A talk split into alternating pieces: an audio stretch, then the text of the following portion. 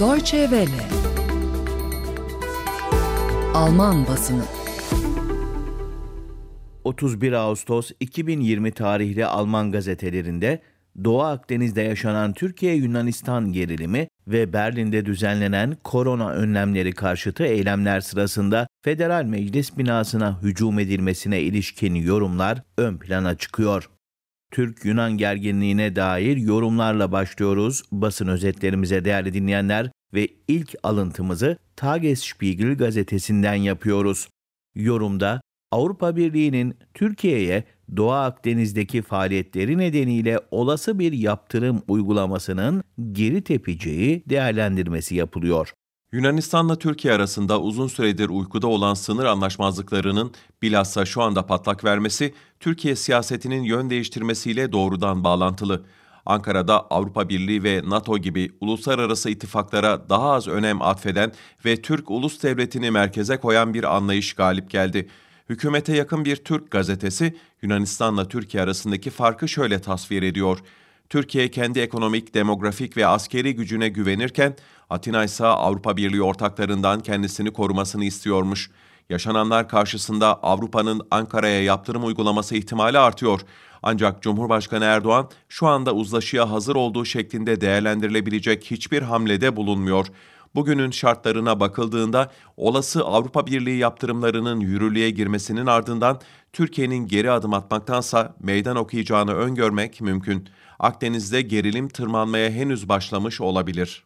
Yine aynı konuya ilişkin Neues Deutschland'da yer alan yorumda ise Türkiye'de iç ve dış siyasetin birbiriyle bağlantılı olduğu ve Ankara'nın iç sorunları halka unutturmaya çalıştığı savunuluyor. Hem iç politikadaki perişanlık hem de dış politikadaki savaş dürtüsü. Bunların ikisi bağlantılı. Çünkü insanlar savaş dönemlerinde omuz omuza verir. Türkiye bugünlerde buna bel bağlıyor. Umut edilen insanların sorunlarını unutmaları ve en azından daha büyük bir amaç uğruna yaşananlara katlanmaları. Buna yalnızca ciddi boyutlardaki enflasyon değil, aynı zamanda olan bitene yapılan sessiz bir eleştirinin sert bir biçimde cezalandırılması da dahil. Bundan muzdarip olanlardan biri avukat Ebru Timtik oldu. 2019 yılında terörizm suçlamasıyla 13 yıl hapis cezasına çarptırılan Timtik, 238 gün süren açlık grevinin ardından cuma günü yaşamını yitirdi. Timtik adil bir yargılama istiyordu. Ancak Türkiye'de adil bir yargılama elde etmek pek mümkün değil. Orduya katılmak ve hayatını hükümetin çıkarları için riske atmak çok daha kolay. Değerli dinleyenler başkent Berlin'de korona önlemlerine karşı çıkanların düzenledikleri protesto gösterileri Alman gazetelerinde yoğun olarak ele alınan bir diğer konu. Süddeutsche Zeitung'dan işte bu konuya dair bir değerlendirmeyle devam ediyoruz basın özetlerimize. Yorumda korona karşıtı önlemleri protesto gösterileri eleştiriliyor. O eylemciler halk değil, sadece gökkuşağı bayrağı ve imparatorluk savaş bayrağı taşıyıcılarından, bağdaş kurup meditasyon yapanlardan ve Putin Putin diye tezahürat edenlerden oluşan bir halk çıktı.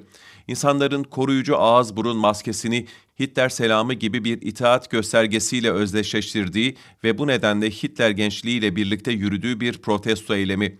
Dünya daha önce böylesine bir cephe görmemişti. Bugün aşırı sağcılarla aynı kefeye konulmak istemeyen organizatörler ve katılımcılara şunu söylemek gerekiyor. Suç sizde. Bu insanların eylemlerde istenmediğini açıklayan oldu mu? Bu insanlara eylemde salladıkları Alman İmparatorluğu'nun savaş bayraklarını indirme çağrısı yapan oldu mu? Bu cumartesinin kahramanları hakikat için cesaret ve benzeri saçmalıkların yazdığı tişörtleriyle yürüyen on binler değildi. Bu cumartesinin kahramanları Federal Alman Parlamentosu'nun girişinde barışçıl olmayan ve aşikar biçimde eylemlerin aşırı sağcı kanadına ait olan eylemcilerin kararlı bir biçimde karşısında durarak demokrasinin evini işgal etmelerine izin vermeyen üç polis memuruydu.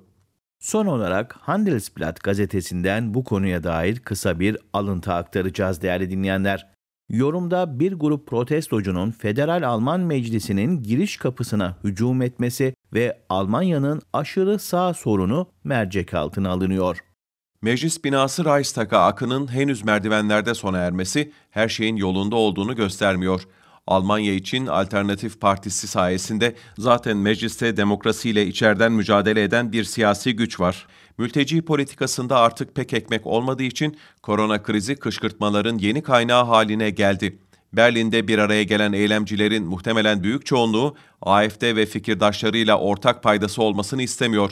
Ancak bu protestolara katılan herkesin kimler tarafından araçsallaştırıldıklarını bilmesi gerekiyor. Alman basınından yorum özetlerini dinlediniz.